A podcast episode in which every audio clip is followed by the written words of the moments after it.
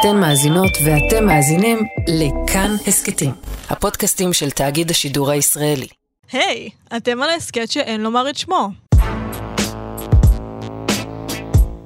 אני שיר ראובן. ואני דור סהרמן. ואנחנו קוראים את כל ספרי הארי פוטר מההתחלה ועד שהתאגיד יפסיקו אותנו. והיום, פרקים 24 ו-25, הלטת הכרה וחיפושית אך לא חופשית. אתה יודע מה חשבתי עכשיו? מה? אנחנו צריכים להגיד באיזה ספר אנחנו. אנשים כל הזמן מתלוננים שאנחנו? לא אומרים שזה הספר החמישי. אני פתאום דמיינתי מישהו מהעתיד מאזין לפודקאסט, והייתי כזה, פרק 24 באיזה ספר? Mm. עכשיו זה יהיה נדפוק אה, בקבוצה, יש 24 פרקים רק בספרים האלה והאלה. כן. בקיצור, נכנסנו בקיצור, פה ל... בקיצור, לא נורא, אבל אה, זה הספר החמישי, כן. למי שלא יודע. אבל בוא נקרא. ונקרא באמת מתוך פרק 24, הלטת ההכרה, את אחד הקטעים שהכי אהבתי בספר הזה. ושוב הוא קרא על ברכיו, פניו טמונים בידיו, מוחו דואב כאילו מישהו ניסה לשאוב אותו מתוך הגולגולת. קום, נזף בו סנייפ, קום, אתה לא מנסה אפילו, אתה לא עושה שום מאמץ, אתה נותן לי גישה לזיכרונות שמפחידים אותך, מושיט לי נשק נגדך. הארי קם, ליבו הולם בפראות, כאילו באמת ראה זה עתה את סדריק שוכב מת בבית הקברות. סנייפ נראה חיוור מן הרגיל וכועס יותר, אבל לא כל כך כועס כמו שהארי היה באותו רגע. אני כן עושה מאמץ, הוא סינן מבין שיניו. אמרתי לך להתרוקן מכל רגש. כן? טוב, זה לא כל כך קל לי כרגע, השיב הארי. אם כך, תהיה טרף קל לאדון האופל, השתלח בו סנייפ. טיפשים שחושפים את רגשותיהם בגאווה לעיני כל, שלא מסוגלים לשלוט בנטיות ליבם, שמתבוססים בזיכרונות עצובים ומניחים לאחרים להתגרות בהם בקלות כזאת. במילים אחרות, אנשים חלשים, אין להם שום סיכוי מול היכולות שלו. הוא יחדור למחשבותיך בקלות מגוחכת, פוטר.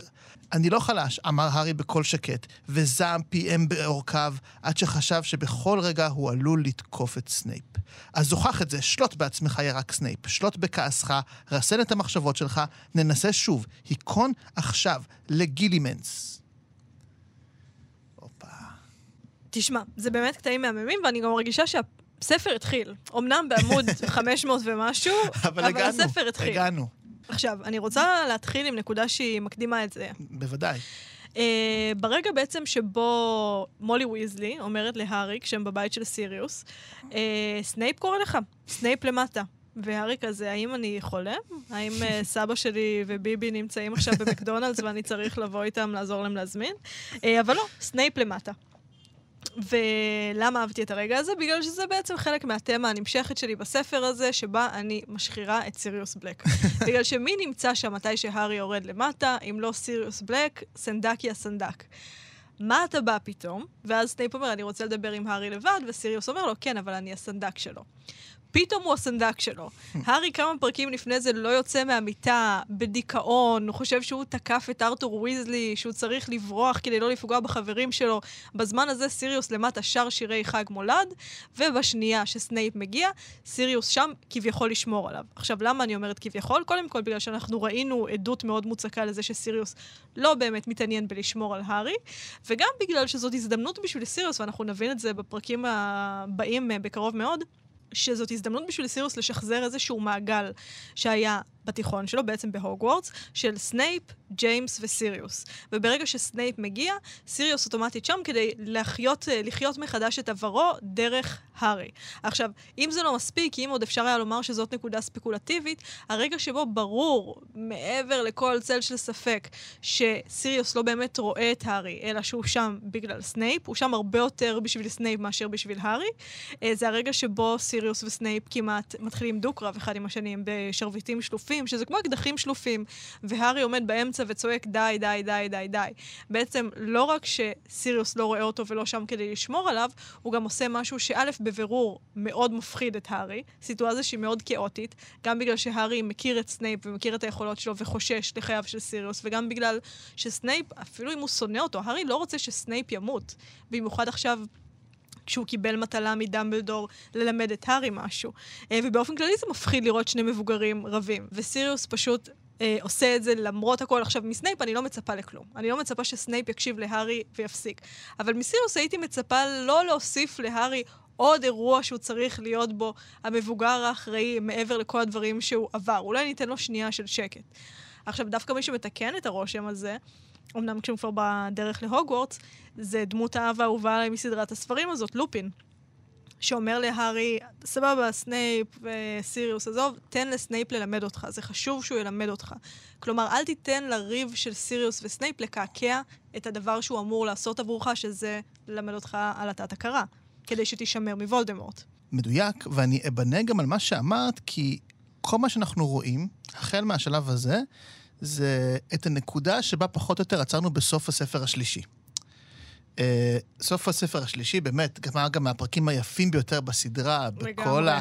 שכל החבורה הזו של השכבה, כן, של uh, הקונדסאים מתכנסת יחד עם סנייפ, ולא במקרה הוא גם נמצא שם כמובן. ואנחנו היינו פה ב hold, והיינו ב hold גם על החבורה הזו, מבחינה רבה, וגם על סנייפ. צריך להגיד, מסוף ספר שלוש ועד הנקודה הזו של אמצע הספר החמישי, סנייפ הוא לא דמות משמעותית במיוחד. כלומר, יש לו רגעים, יש לו הבלחות, בספר הרביעי יש לו כמה נקודות, אבל הוא לא מניע את העלילה של הספר הרביעי, בטח משום בחינה. לא, הוא נמסיס. הוא nemesis low-key. משני כזה, low-key, הוא סנייפ כזה, כן. וגם פה עד הנקודה הזו, סנייפ הוא לא דמות משמעותית אה, מדי משום בחינה. כלומר, ברור ש... אה, אמברידג' היא האויב הגדול כאן. ופתאום סנייפ חוזר כדמות משמעותית, והוא חוזר בדיוק בנקודה שבה אנחנו גם רואים שוב את סיריוס ושוב את לופין, ואנחנו רואים שכל מערכת היחסים העכורה הזו מסוף הספר השלישי לא באמת נפתרה. למרות שסיריוס וסנייפ לחצו ידיים בסוף ספר 4, ולכאורה הם עכשיו באותו צד, אנחנו רואים ששניהם מובלים על ידי משקעי העבר. שניהם כמובן לא רואים את הארי. כלומר, מה שאני חושב הכי מרתק פה, שגם סנייפ וגם סיריוס רואים בהארי את ג'יימס. זה mm-hmm. מאוד מאוד בולט. עכשיו, כמו שאת אמרת, מסנייפ אין לנו כמובן שום ציפייה. בהקשר הזה. אבל סיריוס מאוד מאכזב פה, כי גם הוא בעצם לא מגן פה על כבודו של הארי. הוא מגן פה על כבודו של ג'יימס, והנה הם שוב תלמידים בגילאי תיכון שרבים, ואנחנו נראה גם איך בפרקים הבאים זה מתגבש. ולא סתם את גם מציינת פה לטובה את לופין, כי שוב, מכל החבורה הזו, אה, לופין הוא היחיד שרואה את הארי כהארי, ולא כג'יימס. כמה יש לי לומר על זה בפרק הבא ובפ... של הפודקאסט שלנו. ובפרק הבא אנחנו כמובן נראה איך כל הדבר הזה רק הולך ומתעצם עד לשבר הבלתי נמנע. בסופו של דבר. עכשיו, אני רוצה מהנקודה הזו גם לצלול לתוך אה, הלטת ההכרה עצמה. ומה שסנייפ אומר על זה, וגם כמה דברים על, אה, עליו ועל וולדמורט, ומה אה, זה אומר. יש פה רגע נורא יפה שהארי אומר, מה זה הלטת הכרה? זה קריאת מחשבות? וסנייפ אומר לו, לא, יא אפס, זה לא קריאת מחשבות, תודעה, זה דבר מורכב. אני מאמין שסנייפ בוודאי קרא את פרויד, אני שם על זה את כספי. זה אלה כאילו... רגעים, מה שאהבתי בזה, יש בפרקים האלה נקודה אחת שאמרתי, וואו, ג'יי קיי רולינג, האם את גם באנליזה כמוני? האם אנחנו חברות באותה כת? uh, ומצד שני, אבל יש גם רגע ש, שחשבתי כזה, אה, לא, אוקיי, אם זה מה שכתבת אז לא. אבל uh, נגיע לזה בהמשך. עכשיו, מעבר לזה שהוא מתאר את התודעה באמת, והוא צודק אגב, כדבר מורכב, כרבדים על רבדים, ושאתה לא פשוט יכול כן טיק לקרוא מחשבה של בן אדם אחר. בעיקר כי מחשבות, אף אחד לא חושב ככה. בדיוק, אף אחד לא... זה לא שאני יושבת מול בן אדם וחושבת, mm, איזה מכוער הוא מתלבש. בדיוק, זה גם, אני חושב שאם תנסו רגע לחשוב על המחשבות שלכם, שזה אגב משהו מאוד מוזר, אתם תגידו שיש לכם בלי לשלם בראש אה, רץ כל הזמן.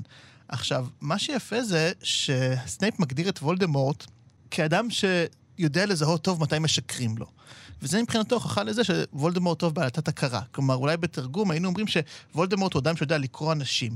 אבל זה נשמע מוזר, כי וולדמורט הוא לא אדם שמעריך במיוחד הוא לא ישקיע את האנרגיה בלקרוא לא אנשים, הוא פשוט יהרוג אותם. אני חושב שפשוט וולדמורט ממש ממש אה, טוב אה, לזאת מתי משקרים לו, כי זה משהו שפשוט קריטי לו. הוא אדם שאובססיבי לדברים מסוימים, ואדם שמפתח אובססיה ממש ממש טוב בלזהות אותה בכל מיני מקומות. לכן וולדמורט לדעתי באמת מאוד טוב בלזהות שמשקרים לו, אבל אני לא חושב שהוא יזהה עם מישהו מאוהב במישהי והוא באמת יבין במלוא מובן המילה את המשמעות של הרגש הזה. כי זה רגש שהוא מזלזל בו והוא גם לא מצליח להבין אותו, כמו שמודגש שוב ושוב בסדרה הזו. אה, מה ששוב מעלה את השאלה, אז מה זה אם ככה הלטת הכרה, ומה זה אומר שוולדמורט כל כך טוב בלקרוא אנשים, כלומר, וכל הבלאגן הזה רק מראה עד כמה תודעה זה דבר מסובך ומורכב, ואפילו אנשים שטובים בזה, הם טובים אולי בנישות מסוימות של הדבר הזה. עכשיו, השיעור של סנייפ פשוט מרתק. קודם כל, כי סנייפ והארי הם אויבים די ותיקים. הם שונאים אחד את השני ממש, כבר מהספר הראשון, אבל זאת הפעם הראשונה שהם באמת נפגשים אחד על אחד ליותר מכמה דקות. ליותר מאינטראקציה לא טובה בשיעור או במסדרונות של הוגוורטס. עכשיו, חשוב לציין, השיעורים האלה, שיעורי העזר האלה, מזכירים לי קודם כל דמות שלא סתם הופיעה כמה רגעים לפני והמליצה להארי על השיעורים האלה, אה, לופין. בדיוק. הארי קיבל שיעורי עזר פרטיים גם מלופין, שלימד אותו להפיק את הפטרונוס, שאפילו למטרה דומה, בוא, אני מלמד אותך משהו שהוא מחוץ לתוכנית הלימודים, בשביל שתתמודד עם האופל בתוכך. או עם, uh, ש... עם שימוש שמישהו אחר יכול לעשות באופל הזה. Uh, עכשיו, מה שמעניין פה זה שקודם כל, בפעם הראשונה אנחנו נחשפים לסנייפ ולאישיות שלו באחד על אחד. תחשוב, אנחנו חמישה פרקים עם הדמות הזאת שמסומנת כאויב, שבספר הראשון אפילו נחשדה כמי שמנסה להרוג את הארי, uh, אבל אף פעם לא היינו איתו אחד על אחד, אף פעם לא הייתה אינטראקציה של הארי ושלו. Um, עכשיו, דבר שאני מאוד התרשמתי ממנו זה שקודם כל סנייפ עונה לשאלות של הארי. בניגוד לכל חברי המסדר שמורחים אותו ואומרים לו לא לצאת מהחדר וכשתגדל תבין, סנייפ עונה על שאלות קונקרטיות שלו. עכשיו, בגלל זה אני חושבת ש... בניגוד לסיריוס, שלא אין שום קצה חוט של לראות את הארי כהארי, לסנייפ כן יש בדל של בדל של אפשרות לראות את הארי כהארי, כי הוא מכבד אותו מספיק כדי לענות לו. יש לו, צריך להגיד, גם יותר שעות עם הארי, הרבה נכון, יותר מסיריוס. נכון, נכון. Um, עכשיו, זה אומר שלכל הפחות הוא רואה את הארי כמבוגר או כשווה ערך באיזשהו אופן, או כמי שמבין בפני מה הוא עומד. אה, בפני איזה סכנה הוא עומד, בגלל שגם לסנייפ וגם להארי יש את המערכת היחסים הכי אינטימית עם וולדמורט, עוד דבר שמשותף להם. עכשיו, בשלב הזה אנחנו לא יודעים הרבה על למה סנייפ שונא את הארי, אבל אנחנו יודעים מה הוא חושב עליו. אנחנו יודעים שהוא חושב שהוא יהיר, שהוא רודף פרסום, שהוא רודף כבוד, שהוא רודף תשומת לב, שהוא בן אדם מחורבן, תכלס. כמו שאמרת, אנחנו נבין בהמשך שזה הכל קשור לג'יימס, אבל כרגע אנחנו לא יודעים את זה. ואנחנו, ואנחנו מגלים פה שסנייפ פולש להארי לזיכרונות. עכשיו, הפלישה הזאת, הארי גם אומר, מזכירה לו זיכרונות שהוא שכח בעצמו. עכשיו, אני אפתח פה סוגריים, רפררתי כבר לאנליזה שאני עושה. זה גם תהליך שבו אתה נזכר בדברים שלא ידעת שאתה זוכר. אתה כזה, אה, הזיכרון הזה, מאיפה הוא בא? וזה תהליך שלא סתם באנליזה אתה צריך לבוא ארבע פעמים על שבוע ולשכב על ספה, ואת המסגרת המאוד תומכת הזאת, בגלל שזה מאוד מאוד אינטימי. בגלל זה גם יש הרבה אזהרות על uh, סמים פסיכדליים או על משני תודעה למיניהם, בגלל שהם מפגישים לפעמים עם חומרים כאלה, ואם אתה עושה את זה בלי מסגרת מאוד מאוד אינטנסיבית של תמיכה, זה יכול לפרק אותך, זה יכול לפורר אותך, זה יכול להיות מאוד מאוד קשה. Uh, עכשיו, מה שמעניין בדברים שהארי נזכר בהם, אפרופו מה שאמרת על תודעה, זה של... Uh, זה שאלה חוויות מאוד משפילות מהילדות המוקדמת עם דאדלי. אז קודם כל, אני שוב רוצה לומר כל הכבוד לג'יי קיי רולינג על הפרופיל הפסיכולוגי המדהים שהיא בנתה להארי פוטר, כי נכון, הוא גיבור שנלחם בוולדמורט וכולי וכולי, אבל בסוף הזיכרונות שצרובים לו הכי חזק זה מהילדות המוקדמת עם דאדלי והדרסלים. זה הקוד של האישיות שלנו, על זה אנחנו בנויים. עכשיו, חוץ מזה, מהזיכרונות האלה, וזה הדבר הכי מעניין שבטח קרה לסנייפ פה, לא עולה בכלל ההארי שהוא דמיין. כי סנייפ הרי בטח לא חשב שהארי היה ילד שנרדף על ידי בן הדוד שלו, או שהיה צריך לברוח ולהתחבא ולהסתתר והיה קורבן לבריונות. אה, ורגע אינטימי ובעיניי חמוד מאוד היה כשהארי נזכר כשהוא טיפס על עץ וברח מהכלב של הדודה מרג'. ואז כשהוא מתעורר מה... אני לא יודעת איך לקרוא לזה אפילו, אה, אז סנייפ שואל אותו, מי הכלב? מי הכלב שרדף אחריך וגרם לך לטפס על העץ? כלומר, הוא לא מעביר את זה הלאה. אין לו, וזה גם דבר שאפשר לומר בקריאה ראשונה. אני חשבתי שסנייפ מתנהג פה בצורה שהיא מאוד מניאקית. שהוא מרפרר, הוא לא מתנהג כמו רופא. כאילו, הוא אומר, מה, מה זה? מה ראיתי שם? אה, עכשיו, בקריאה חוזרת, אני לא חושבת שהוא מניאק, אני חושבת שמה שהוא עושה זה לשים את זה על השולחן ולהגיד, אני ראיתי שברחת מכלב. אני ראיתי, אולי אפשר לומר גם, שאתה לא מי שאני חושב שאתה. כנראה. יש כאן הדמות של הארי מתחילה להיסדק. עכשיו, אנחנו נעשה פה ספוילר מאוד מאוד רציני. מי שקורא איתנו בפעם הראשונה, תעבירו דקה קדימה, או 30 שניות קדימה, הגזמתי. אה, אבל אנחנו יודעים שבסוף הספר השביעי, מעט לפני, עוד ספוילר מטורף לפנינו, מעט לפני שסנייפ נרצח, אנחנו מבינים שהוא התחיל לחבב את הארי. אנחנו מבינים שהוא אפילו קצת אוהב את הארי. ואני לא יכולתי שלא לחשוב בקריאה הזאת שבטח זה הרגע שבו זה קרה. כלומר, שזה הרגע שבו סנייפ הבין שהוא והארי הרבה יותר דומים ממה שהארי היה לג'יימס. אה, א', זה מדויק, ואני כתבתי ממש דברים דומים בהקשר הזה, שבאמת עד כמה... יש פה איזושהי מתיחות. תראי, סנייפ בעצמו, נראה לי, בשיעור הזה, נקרע כל הזמן.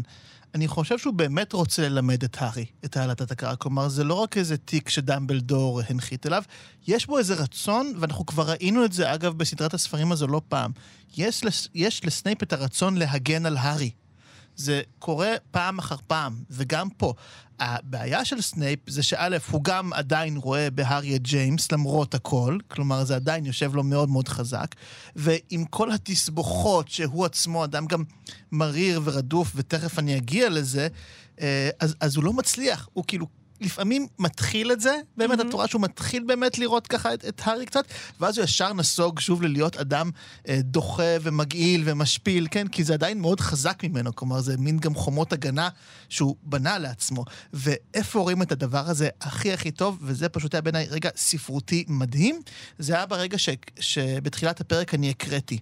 שסנייפ בעצם, כן, אומר להארי, מי הם האנשים החלשים שוולדמורט בז להם יותר מכל. Uh, וזה רגע מדהים, כי וולדמורט לכאורה אומר להארי, אתה אדם חלש, אבל כל האפיונים שסנייפ אומר הם עליו. Mm-hmm. האיש הזה שסנייפ מתאר הוא, הוא הגדרה מילונית לסוורוס סנייפ, כן? Uh, כי סנייפ הוא לא באמת אדם קר ומרוחק, כן? כל ההתנהלות של סנייפ היא כולה נקמנות ושנאה לא סבירה ואובססיה למחשבות על העבר.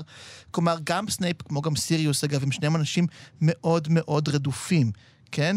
והרגע הזה, כן, שסנייפ אומר ש... אה, וולדמורט, אה, הכי קל לו לצוד את אלה שחושפים את רגשותיהם, כן? שלא מסוגלים לשלוט בנטיית ליבם, שמתבוססים בזיכרונות עצובים ומניחים לאחרים להתגרות בהם בקלות, זה סוורוס סנייפ, כאילו אחד לאחד פשוט, זה הבן אדם הזה. כלומר, הוא אדם לגמרי שכל הזמן, אנחנו רואים גם כמה קל להתגרות בו וכמה הבן אדם הזה מתורגר ברמות. אה, הוא בהחלט לא בן אדם שמסתיר את הרגשות, הבוז שלו. הייתי אומר שלפעמים אולי הבוז הוא כיסוי לאיזושהי פגיעות, אבל הוא עדיין מפגין את זה בצורה מאוד מאוד יפה, והוא בהחלט לא אדם ששולט בנטיות ליבו משום בחינה. Uh, ואז ברגע הזה, שאנחנו בשלב הזה גם כבר יודעים שסנייפ הוא uh, אוכל מוות לשעבר, ואגב, את הזכרת את זה, שניהם מכירים אינטימית את וולדמורט, לשניהם יש גם סימן שמזכיר להם את זה כל mm-hmm. הזמן. Uh, והרגע הזה, זה הרגע שבו את פתאום מבינה איך סנייפ uh, הפך להיות אוכל מוות כנראה. כי יש דברים ללא ספק באופי שלו, שהפכו אותו להיות לטרף קל מאוד עבור uh, וולדמורט. וזה פשוט רגע מדהים, כי בלי להודות בזה, סנייפ בעצם אומר מה, מה הפך אותו לאוכל מוות. והוא מנסה, אגב, שוב ושוב, אמנם שוב במין אובססיה רעילה ועם דפוס, הדפוסים הגרועים שלו, אבל הוא בעצם מנסה להציל את הארי מזה, מלחזור על הטעויות שהוא עשה. מעניין.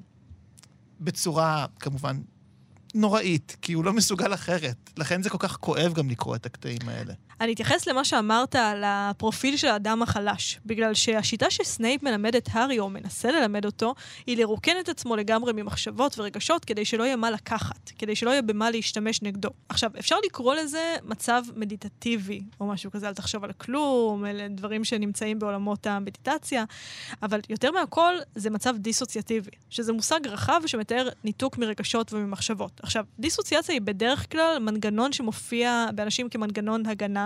בסיטואציה שהיא מאוד מאוד קשה. יש רגע שהנפש צריכה להגן על עצמה ואומרת לך, אוקיי, אתה לא פה עכשיו, מה שקורה פה קשה מדי להתמודדות, בוא נכבה אותך שנייה, בוא תהיה במקום אחר שנייה. עכשיו, אפשר לראות את זה לא רק באנשים שעברו דברים קשים. ופשוט לא זוכרים אותם.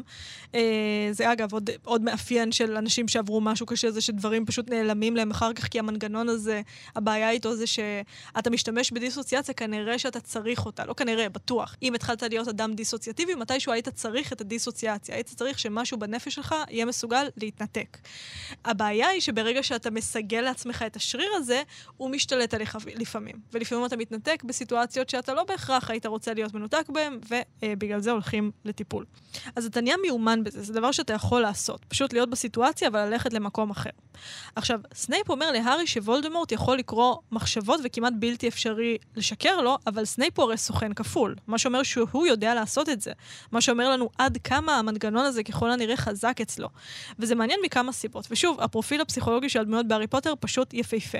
כי סנייפ, כמו בשיקויים, עושה פה שימוש בטכניקה שהיא כמעט מוגליגית.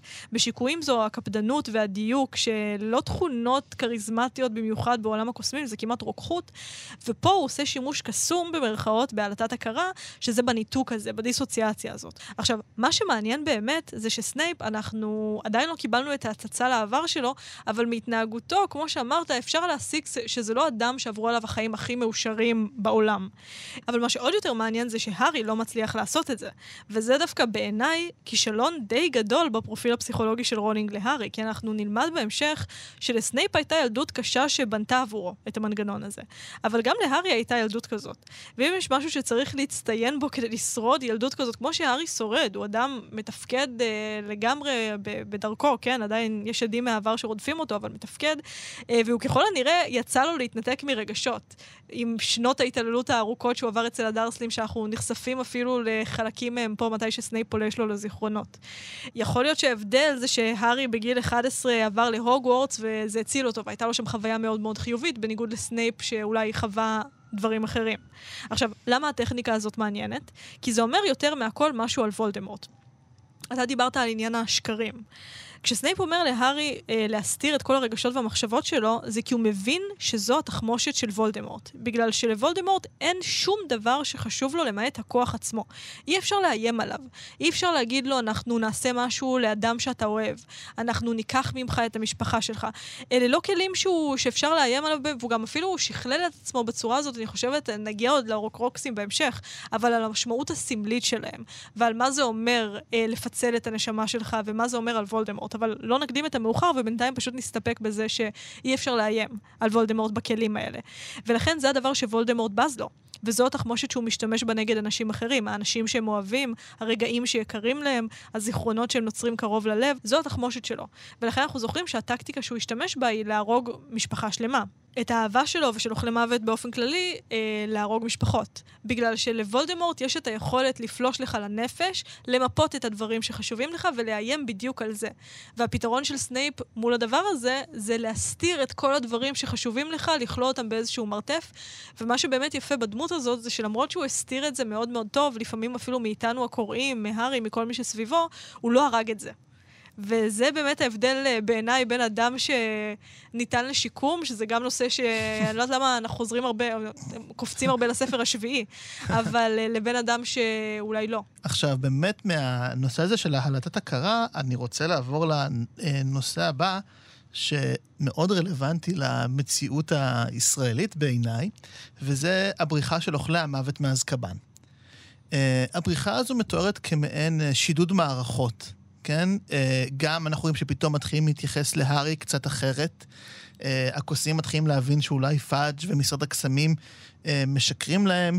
במקביל, אמברידג' הופכת באופן סופי למין איזה קג"ב של איש אחד בהוגוורטס, אבל הדבר הכי מעניין שעושה הבריחה הזאת של אוכלי המוות, זה שאנחנו רואים שרולינג גם אומרת את זה, כן, היא כותבת את זה, איך התלמידים שרק 14 שנה קודם לכן נפגעו אה, ממה שוולדמורט ואוכלי המוות עשו, פתאום הם מתחילים להיות שוב במוקד העניין. אה, והם גם, מתח... גם יותר מתחילים להתעניין בהם, וגם הם מתחילים להיות הרבה יותר מודאגים, כן? וגם נביל משתנה כמובן, וזה הרבה יותר מזה, כן? כי אני חושב שמה שעשתה אה, הבריחה הזאת של אוכלי המוות, אה, היא במידה רבה וגם העובדה שהתלמידים, שהמשפחות שלהם היו קורבנות, והם גדלו על הסיפורים האלה, הרי התלמידים לא זוכרים. כלומר, גם תלמידי השנה השביעית הכי מבוגרים בהוגוורטס היו כנראה בני שלוש, ארבע, כשהאירועים האלה קרו. ויש כאלה שהיו ממש תינוקות, ויש כאלה שאפילו לא נולדו. אבל המשפחות כולם גדלו על, על הסיפורים האלה שמספרים לך, כן, ממש בעץ המשפחתי ובעבודת השורשים שאתה עושה. ואז קורה הדבר הכי מפחיד. כשהעבר באמת הופך להיות ההווה שלך. עכשיו, זה מאוד מאוד רלוונטי למציאות הישראלית וגם לסכסוך שיש לנו כאן, אה, כי אחת הסיבות לדעתי שאנחנו פה בסכסוך קשה, בין אם נאהב את זה או לא, והיא כשאדם יהודי צופה מחלון הבית שלו בתל אביב, הוא רואה בליבו, במוחו, בתודעתו, את הערובות של אושוויץ. וכשאדם ערבי מסתכל מהחלון בבית שלו, הוא אה, רואה את המשהו, מה שנקרא הנכבה וההשלכות שלה. עכשיו, יכול להיות, ויש אנשים שיגידו שלא הייתה נכבה, ויש אנשים שגם יגידו, לא שלא הייתה שואה, אבל... אה, לא, יש גם אנשים שיגידו שלא הייתה שואה. אבל הם לא, אני חושב, חלק מהוויכוח, ויש אנשים בהחלט... יהודים שיגידו שצריך להתנתק מהתודעת שואה הזו, ואנחנו כבר לא שם, ואנחנו מדינה עצמאית וחזקה, ואין שום קשר. אה, אז- אוקיי. טוב שאמרתם. בדיוק, טוב שאמרתם. עכשיו, אתם יכולים להגיד, כן, לא הייתה נכבה וצריך להיות בטוחים ובלה בלה, זה לא משנה שאלה, לדעתי, הנרטיבים המובילים את שני הלאומים האלה שנמצאים כאן. כלומר, העובדה ששני העמים פה חיים את העבר שלהם באופן כל כך יומיומי בהווה, את העבר שמבחינתם הוא עבר מאיים ונורא, מבחינתו של כל אחד, שלכן גם זה משפיע בסוף על הסכסוך כאן. וזה בדיוק מה שאנחנו רואים כאן, כן? פשוט uh, העבר שפתאום שוב חוזר אל ההווה, וכל הסיפורים שגידלו אותך ולימדו אותך לפחד, הנה זה מתממש. אני לא יכול לתאר עד כמה זה סיוט נוראי. ברור. כאילו, זה פשוט, זה מחריד בכל קנה מידה. אתה גם עושה איזושהי הפרדה בין, אה, הדברים הנוראים האלה קרו פעם, לבין, אה, זה יכול לקרות לי עכשיו, ואני חושבת שזה מה שחווינו בקורונה. שכאילו חשבת, היסטוריה, מגפות, מלחמות עולם, זה דבר שקרה פעם, היסטוריה זה דבר שקרה לאחרים. ופתאום אתה כזה, לא, אתה חווה את ההיסטוריה עכשיו. ואם לא מספיק שחווינו את ההיסטוריה של הקורונה, אולי, לצערנו הרב, אנחנו גם נחווה את ההיסטוריה של משבר האקלים, אם בכלל תהיה היסטוריה. כן, מאוד נורא פסימי. מפחיד. זה פרקים גם מאוד פסימיים, ו- ובעיקר עצובים נורא, אני חושב. כלומר, זה באמת מראה את, ה- את הטראומה מהעבר כמחיה את ההווה ומניעה אותו. טוב, הארי וצ'ו צ'אנג. אין לי הרבה מה לומר על זה, אני רק זוכרת שקראתי את זה בגיל 15, וחשב... קודם כל, יש כאן את הרגע שבו הארי הופך לקטורזה של עולם הקוסמים, יוצא מה- מהבית מה קפה נשים ואומר... רוצות? נשים, סימן קריאה. אבל אני ממש זוכרת שקראתי את זה והייתי כזה, אוי, לא, והייתי בת 15, אז כאילו, היה לי עוד... אה, אז עוד לא ידעתי שאני לסבית, אז היה לי אינטראקציות עם בנים, והייתי כזה, אה, הארי הוא בן, איכס, הוא ממש בן, הוא לא מבין כלום. הוא לא מבין ש... צריך להראות לו עם, חוברו, עם חוברות צביעה של רגשות, ללמד אותו מה קורה.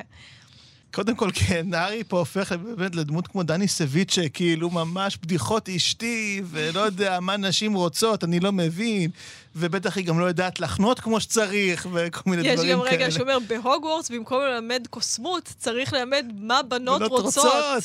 כן, טוב, זה, אני לא מאשים את רולינג, כי זו התקופה שגם יצא הסרט מה נשים רוצות עם מל גיבסון, את זוכרת? בוודאי שאני לקרוא. זוכרת. הנה, זה אגב מחשבה מאוד פשטנית על קריאת מחשבות, הסרט מה נשים רוצות. נכון. אה, אפרופו. אבל אה, מעבר לזה שכל הסצנה הזו היא באמת, יש משהו קצת מוזר, זה פתאום הופך למעין רומן נעורים כזה, אה, אבל יש פה שני עניינים, אה, בכל זאת חשובים. קודם כל, אה, ברור עד כמה הארי וצ'ו לא מתאימים, ועד כמה, וזה אגב הרבה פעמים גם דברים שבאמת האבות נעורים, אבל זה גם מתאים מאוד לספר הזה בעיניי, אה, כל אחד רואה בשני משהו אחר. הארי פשוט נדלק על בחורה. אוקיי? הידלקות של נעורים, דווקא הוא האדם הקצת יותר אה, ממוצע, נגיד, במעשה מדהים עד כמה הוא ממוצע פה באמת. אה, כי כל הזמן מתואר כמה היא יפה, גם בספר כן, השלישי. הוא לא, הוא לא מתעניין באופי שלה, היא פשוט נראית לו יפהפייה, והוא רוצה אותה, שזה בסדר. אבל uh, ברור שצ'ו רואה ומחפשת את סדריק דיגורי. כן. כלומר, לא סתם uh, הוא צף, ולא סתם גם צ'ו מפגינה את התסכול המאוד מאוד עמוק שלה. אולי אפילו לא את סדריק כמו, כמו, חיבור, המשכיות לדבר הזה שנקטע, והיא חייבת... אה, היא רוצה ייבום. היא רוצה ייבום, היא רוצה, נכון? היא ולא רוצה סתם ייבום. ייבום קיים בתנ"ך, גילינו עכשיו. עכשיו, מה שכואב כאן, אני חושב, וזה למה מערכת היחסים ביניהם באמת לעולם לא תוכל להתממש, והיא אכן לא מתממשת, אה, ולכן גם כל הפרק הזה מרגיש קצת מוזר ומנותק, כי צ'ו צ'אנג היא מנותקת לחלוטין מהמעגל שמקיף את הארי. כשקראתי את השיחה הזו ביניהם, אני הבנתי עד כמה, א', הארי הוא אדם ששומר כמות עצומה של סודות. כאילו, אנחנו לא חושבים על זה, כי אנחנו כל הזמן מקבלים אנחנו את יודעים ה... את הסודות אנחנו יודעים את שלו. הסודות, כלומר, ואנחנו גם יודעים מה הוא מספר לחברים שלו. אנחנו, אנחנו חלק מהמעגל הכי הכי פנימי, ופתאום אתה רואה, מספיק לצאת טיפה מהמעגל הפנימי הזה, בעצם מהמעגל של כל מי שקשור במסדר או פחול לצורך העניין, אמ, והיא לא מכירה אותו. כאילו, אין לה מושג מה הוא עבר, אין לה מושג איזה סודות הוא שומר בעצמו, איזה דברים יש. ועכשיו, אני, בניגוד ל... אה, לא יודע, אסכולות באמת של הסדרה רמזור, אה, אני כן מאמין שבת הזוג, בני הזוג אה, וכולי, בהחלט צריכים להיות גם חברים מאוד מאוד טובים שלך. שלא לומר אולי אפילו חברים אה, הכי טובים שלך, או בטופ, כל אחד שיעשה את הדירוגים שלו. אה, כי אתה נדרש איתם לאינטימיות גבוהה לא רק ברמה הפיזית, אלא בסופו של דבר, אם הם בני זוג גבוהים, גם ברמה הנפשית. ואתה חייב להרגיש שבן או בת הזוג שלך הם גם החברים הכי הכי נאמנים שיש לך. לכן גם בגידה זה דבר מאוד מאוד כואב, מעבר לשאלה מי שכב עם מי. זה עניין רגשי מאוד מאוד עמוק. וצ'ו צ'אנג כאילו לא שייכת פה ליקום של הארי פוטר בכלל, מרוב שהיא לא קשורה לכל ההרפתקאות שהוא עבר עד עכשיו. כאילו היא לא הייתה שם פשוט. אה, כל ילד בן עשר שקורא את הארי פוטר, מכיר את הארי פוטר יותר טוב מצ'ו צ'אנג. Uh, ולכן גם הם לעולם לא יוכלו להיות ביחד, וזה גם מעלה מחשבה מעט, לא יודע אם זה עגום, אבל זה תהיה כללית. האם בכלל בתוך מסדר עוף החול אתה יכול שיהיה לך איזושהי זוגיות או קשר משמעותי עם מישהו מחוץ למסדר? כלומר, זו קבוצה כל כך, כל כך סגורה בסופו של דבר, שנראה שאין לך ברירה אלא לקיים קשרים משמעותיים אך ורק עם האנשים האלה, כי אתה שותף איתם לכל כך הרבה אה, סודות ומהלכים אה, שהולכים איתך כל הזמן, שאין לך חיים פרטיים מחוץ למסדר עוף החול. תראה, קודם כל זאת נקודה שלא חשבתי עליה בכלל, אבל מה שאמרת העלה לי הרבה מחשבות. דבר ראשון, קודם כל באמת, ב... אפילו לא בכתות, אפילו בדברים שהם סמי-כתות, אנשים באמת יוצאים אחד עם השני בגלל שאין אפשרות להושיט יד מחוץ למקום המאוד סגור הזה. חוץ מזה, אני מסכימה איתך שבן הזוג צריך להיות החבר הכי טוב שלך כמובן. עם זאת, אני חושבת שהאשמה היא על הארי. כי צ'ו נכון, צ'ו לא מכירה אותו. לא, אין פה אשמה אבל... של צ'ו בכלל, לא, לא, זה לא, לא בקטע של אשמה אפילו, אשמה זו לא המילה הנכונה. אבל אני חושבת שהארי בעצמו זה נכון שהם לא מתאימים, אבל הם לא מתאימים כי הארי לא בשל לקשר. והארי לא בשל לקשר כי הוא לא מבין את הדבר הזה. הוא גם עושה הפרדה מאוד מאוד ברורה בין שו שאיתה הוא יוצא ביום האהבה, והיא מנסה לדבר איתו על סדריק. עכשיו, ברור שהיא מנסה לדבר איתך על סדריק לא כי סדריק הוא האקס שלה, אלא כי שניכם חוויתם את האובדן הזה. אתם נמצאים בשני הקצוות של האובדן הזה, באיזשהו אופן. היא חיכתה לו בהוגוורטס מתי שהוא נגע במפתח המעבר, והארי הלך איתו למפתח המעבר. היא סוג של מזמינה אותו לבוא ולדבר על המקום הכי אינטימי והכי הכי כואב הזה, אבל להארי, והנה פה באמת אנחנו אולי נתחבר לנקודה של הדיסוציאציה, הוא לא מדבר על רגשותיו, הוא לא מסוגל לדבר על זה, ואני מבינה אותו, כי יש אנשים שבמסגרת שהוא נמצא בה, ועוד שני הספרים הקשים שלפנינו, והדברים הקשים שהחיים צופים לו, אם הוא יתבונן בדברים הקשים שעברו עליו, הוא יתפרק. ולכן הוא לא משתף את צ'ו, ולכן גם הוא באמת כאילו עושה את ההפרדה המאוד גדולה הזאת בינה לבין החברים שלו, לבין הרמיוני, שהופכת למושא קנאה מאוד מוזר פה של צ'ו. אפרופו הרמיוני, כן. אה, אנחנו נעבור לרגע בעצם למה שמפוצץ להארי את הדייט. הרמיוני קוראת להארי להצטרף אליה, ואז היא מביאה לפגישה את ריטה סקיטר ואת לונה לאבגוד. והיא עושה את זה כדי לתאם עם ריטה כתבה לפקפקן שתציג את הצד של הארי בסיפור. עכשיו, מה שתפס אותי זה רגע מאוד יפה בדיון על מה המטרה של הנביא היומי. ושם ריטה סקיטר אומרת להרמיוני, המטרה של הנביא היומי היא למכור עותקים. כתבנו אותו דבר. כן? מדהים. איזה יופי. בבקשה. אה, עכשיו, זאת נקודה מאוד יפה על תקשורת ועל עיתונות באופן כללי, כי בסוף גופי התקשורת הם גופים שצריכים להחזיק את עצמם מעל המים כלכלית. זה עסק. וזה עסק שיש בו צדדים מדהימים של חשיפת האמת וחשיפות של אי צדק שלא יביאו לתיקון שלו, ויכול באמת לשנות את המציאות, גם לרעה, כן? אבל גם לטובה. ואני מאמינה שיש הרבה עיתונאים אנחנו מקליטים בתאגיד השידור הציבורי, שאחת מהזרועות הכי חזקות שלו זה באמת uh, תקשורת ועיתונות. ואני מאמינה שיש הרבה מאוד אנשים שנכנסים למקצוע הזה מתוך תחושת השליחות הזאת, ומתוך הרצון לתקן עוולות ולחשוף סיפורים שראויים להיחשף כדי לשפוך עליהם אור ולתקן אותם. אבל עם כל הדברים היפים האלה, בסוף, בשורה התחתונה, צריך למכור עיתונים כדי להתקיים. וכדי לעשות את זה, עיתונים צריכים לספר סיפור. וריטה סקיטר כל הזמן מחפשת את הסיפור באופן כללי. אנחנו ראינו את זה בצורה טיפה קומית בספר הקודם, אבל כאן היא ממשיכה עם המגמה הזאת, היא מחפשת את המסגרת. היא אומרת להארי, אה, אז יש לך חברה? אוקיי. אה, אתה רוצה לספר את הגרסה שלך? אז הילד ההזוי מספר את סיפורו. ומה שאנחנו רואים פה זה שכדי לספר סיפור ולייצר איזושהי מסגרת, זה אומר שהמסגרת כמעט תמיד מחטיאה את האמת בקצת. אפילו אם זה מנסה להיות הכי מדויק שיש, בסופו של דבר כדי לספר סיפור, אנחנו מספרים א', ב' וג', ויש איזושהי איזושהי מורכבות שנשארת בחוץ. ואני לא יכולתי שלא לחשוב על הרעיונות שרולינג בטח הייתה צריכה להעניק לקידום של ההארי פוטרים, אם בכלל בשלב הזה הייתה צריכה לעשות קידום, אבל מתישהו הייתה צריכה להתראיין, ושסקיטר רודף את הדמעות הזאת, היא בטח סגסוגת של כל העיתונים והעיתונאיות שראיינו אותה, שבסופו של דבר גם, אתה יודע, הסיפורים שאנחנו מכירים על ג'יי קיי רולינג, עכשיו זה כבר זה שהיא טרפית ושהיא שונאת טרנסים ושהיא ימנית של האנגלים. אבל כל הסיפורים על זה שהיא הייתה אם חד-הורית שכתבה על מפיות, אלה סיפורים שגם היא התייחסה אליהם באיזשהו טון מסוים של בוז. ויכול להיות שיש בהם באמת רק אחוז אחד של אמת שעיתונאים ניפחו, ואנחנו קנינו בגלל שהנפש שלנו מתקשרת בסיפורים, אין מה לעשות. ואנחנו רוצים להאמין שאת הספר המדהים הזה שאנחנו קוראים בשפה הנידחת הזאת, אה, כתבה מישהי שעשתה את זה מאיזושהי מצוקה גדולה. אה, נקודה מקסימה. קודם תודה כל. רבה. וזה מדהים ששנינו נמשכנו לזה שהיא אומרת שמטרת הנביא עמי למכור כן. כמה שיותר עותקים, כי זה באמת א' ב', בשיעור א', שנה א', בלימודי החוג לתקשורת, כאילו. באמת? תלמ... לא, נראה לי, לא למדתי בחוג לתקשורת, אבל זה כאילו, בוא, קודם כל תבין שיש פה אינטרס מסחרי, כאילו, לפני הכל. אני ראיתי את זה בסדרה שהייתה בהוט 3 ב-2009, שאני רוצה להחמיא לה עכשיו, אני לא זוכרת מי כתב אותה, נראה לי ששחר מגן, שנקרא חשופים, ועסקה באמת בעולם התקשורת, והיו שם, זה היה טלנובלה, זה היה כאילו דרמה כן. יומית, אבל היו שם תמות ממש יפות ועמוקות, והייתי כאילו בת 20, וראיתי את זה והייתי כזה, oh my god, המטרה של תקשורת זה למכור עיתונים ולספר סיפור, אני בשוק. כן, לא, זה, זה באמת shocking כשאתה צעיר. היום זה כאילו גם מובן לנו, בין השאר גם בגלל, אגב, תיקי האלפים וכולי. כן. כלומר, היום יש הרבה יותר שיח על זה. אנחנו כולנו בימין ובשמאל, נראה לי, מודעים היום קצת יותר למניפולציות שהתקשורת עושה. וכולנו חושבים שזה הצד השני שני, שעושה את כמובן, המניפולציה. כמובן. אה, למרות שכולנו בסוף קוראים הנביא היומי. אני רק אגיד את הנקודה האחרונה שלי לסגירת הפרק פה, בכל הסיפור הזה, שהרמיוני מביאה את ריטה סקיטר ואת לונה לאבגוד, זה רגע מדהים, כי הרמיוני מביאה כנראה את שתי הנשים שהיא הכי מזלזלת בהם בעולם. אולי רק צריך שם גם את אמברידג' והפרופסור טרלוני, וזהו, זה כאילו הרביעייה ש... רביעיית הנשים ש... שהיא לא רוצה להיתקע איתם ש- במעלית. ממש, כאילו, אה, אבל אנחנו יודעים עד כמה הרמיוני גם באמת באופן אישי, כלומר, עד כמה היא באמת, היא שונאת את ריטה סקיטר, כן, גם על כל המסכת ייסורים שסקיטר העבירה אותה, ואת השקרנות הזו והנכלוליות הזו. אנחנו גם יודעים מצד שני, שלמרות שלונה לאבגוד היא בסך הכל דמות טובה, הרמיוני מאוד לא מעריכה אותה.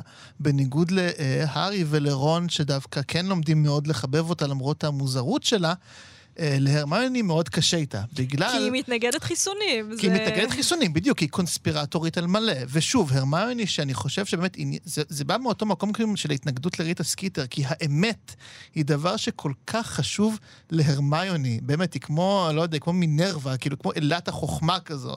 האמת כל כך חשובה לה. אה, שגם כשזה בא מדמות עם כוונות מאוד רעות כמו ריטה סקיטר, או דמות קצת מבולבלת, נגיד כמו לונה לאבגוד, היא, היא שמה, היא, היא, יושבות לה שתיהן על, על משבצת קצת דומה, בסופו של דבר. אה, ולכן זה ממש מעניין שהיא מביאה את שתי הנשים האלה דווקא כדי לממש את התוכנית שלה, לראיון של הארי. כלומר, היא מב- היא מביאה את הבת של מוציא לאור מפוקפק וקונספירטור, ושתבוא כתבת רכלנית וחטטנית ותראיין אותה לעיתון המפוקפק ביותר הזה, ודווקא הרמיוני מארגנת את זה, כי אני חושב שהרמיוני מבינה שאנחנו בשלב שבו המטרה מקדשת את האמצעים. מהמם. אה, והיא משתמשת בכל הקשרים שיש לה, כולל זה שהיא כן בכל זאת סוג של ידידה של לונה, והיא יודעת גם בטח עד כמה אבא של לונה כמה לחומרים כאלה, והיא סוחטת את ריטה סקיטר בתכלס על מה שהיא עושה, והיא משתמשת פה בכל הכישורים שלה, כדי בסופו של דבר, וזה יפה, להשתמש בשתי, בוא נגיד, באישה שקרנית ועוד בחורה... משפחה קונספירטורית כדי להוציא את האמת לאור. נכון, וזה מהלך הרמיוני קלאסי, והיא עוברת פיתוחים מדהימים פה. נכון, חד משמעית. איזה יופי. איך אני נהניתי. זה פרקים מדהימים. היא- אחרי כן. הפרקים האחרונים היא פינקה אותנו. בהחלט. טוב, אז בזה נסיים, ואנחנו יוצאים למעשה לפגרת חגים קטנה. כן. דור פג- מיד עם התאריכים. פגרה קטנה, חברים, אנחנו, היות ולא יעלו פרקים לא בראש השנה ולא ביום כיפור, אנחנו נחזור בעצם בעוד כשלושה שבועות. מוזמנים לנוח, לחגוג ראש השנה, אני מקווה שלא יהיו סגרים ועניינים. לעשות בינג' של כל הפרקים הקודמים. בהחלט. אז אנחנו נתראה בעוד שלושה שבועות בעצם, ובהם אנחנו נקרא, יש דווקא הרבה חומר לקריאה, גם זה יפה, את פרקים 26, 27 ו-28, צפוי ובלתי צפוי, המורה המחליף ומי שהדליף, והזיכרון הכי גרוע של סנייפ. עד שסיימתי להקריא את כל הפרקים האלה, כבר הגיע המועד שבו אתם שומעים את הפרק הבא, נראה לי. אפשר להזין לנו באתר כאן ובכל אפליקציות ההסכתים, שם אפשר גם כמובן לדרג אותנו ולעקוב אחרינו, ואפשר כמובן גם להצטרף אלינו לקבוצה שאין לומר את שמה, קבוצת הפייסבוק, בניהולו של דור. פעילה גם בחגים. תודה רבה, דור. תודה רבה, שיר. ואני רוצה לומר תודה רבה גם לניר גורלי שהפיק אותנו וערך. תודה.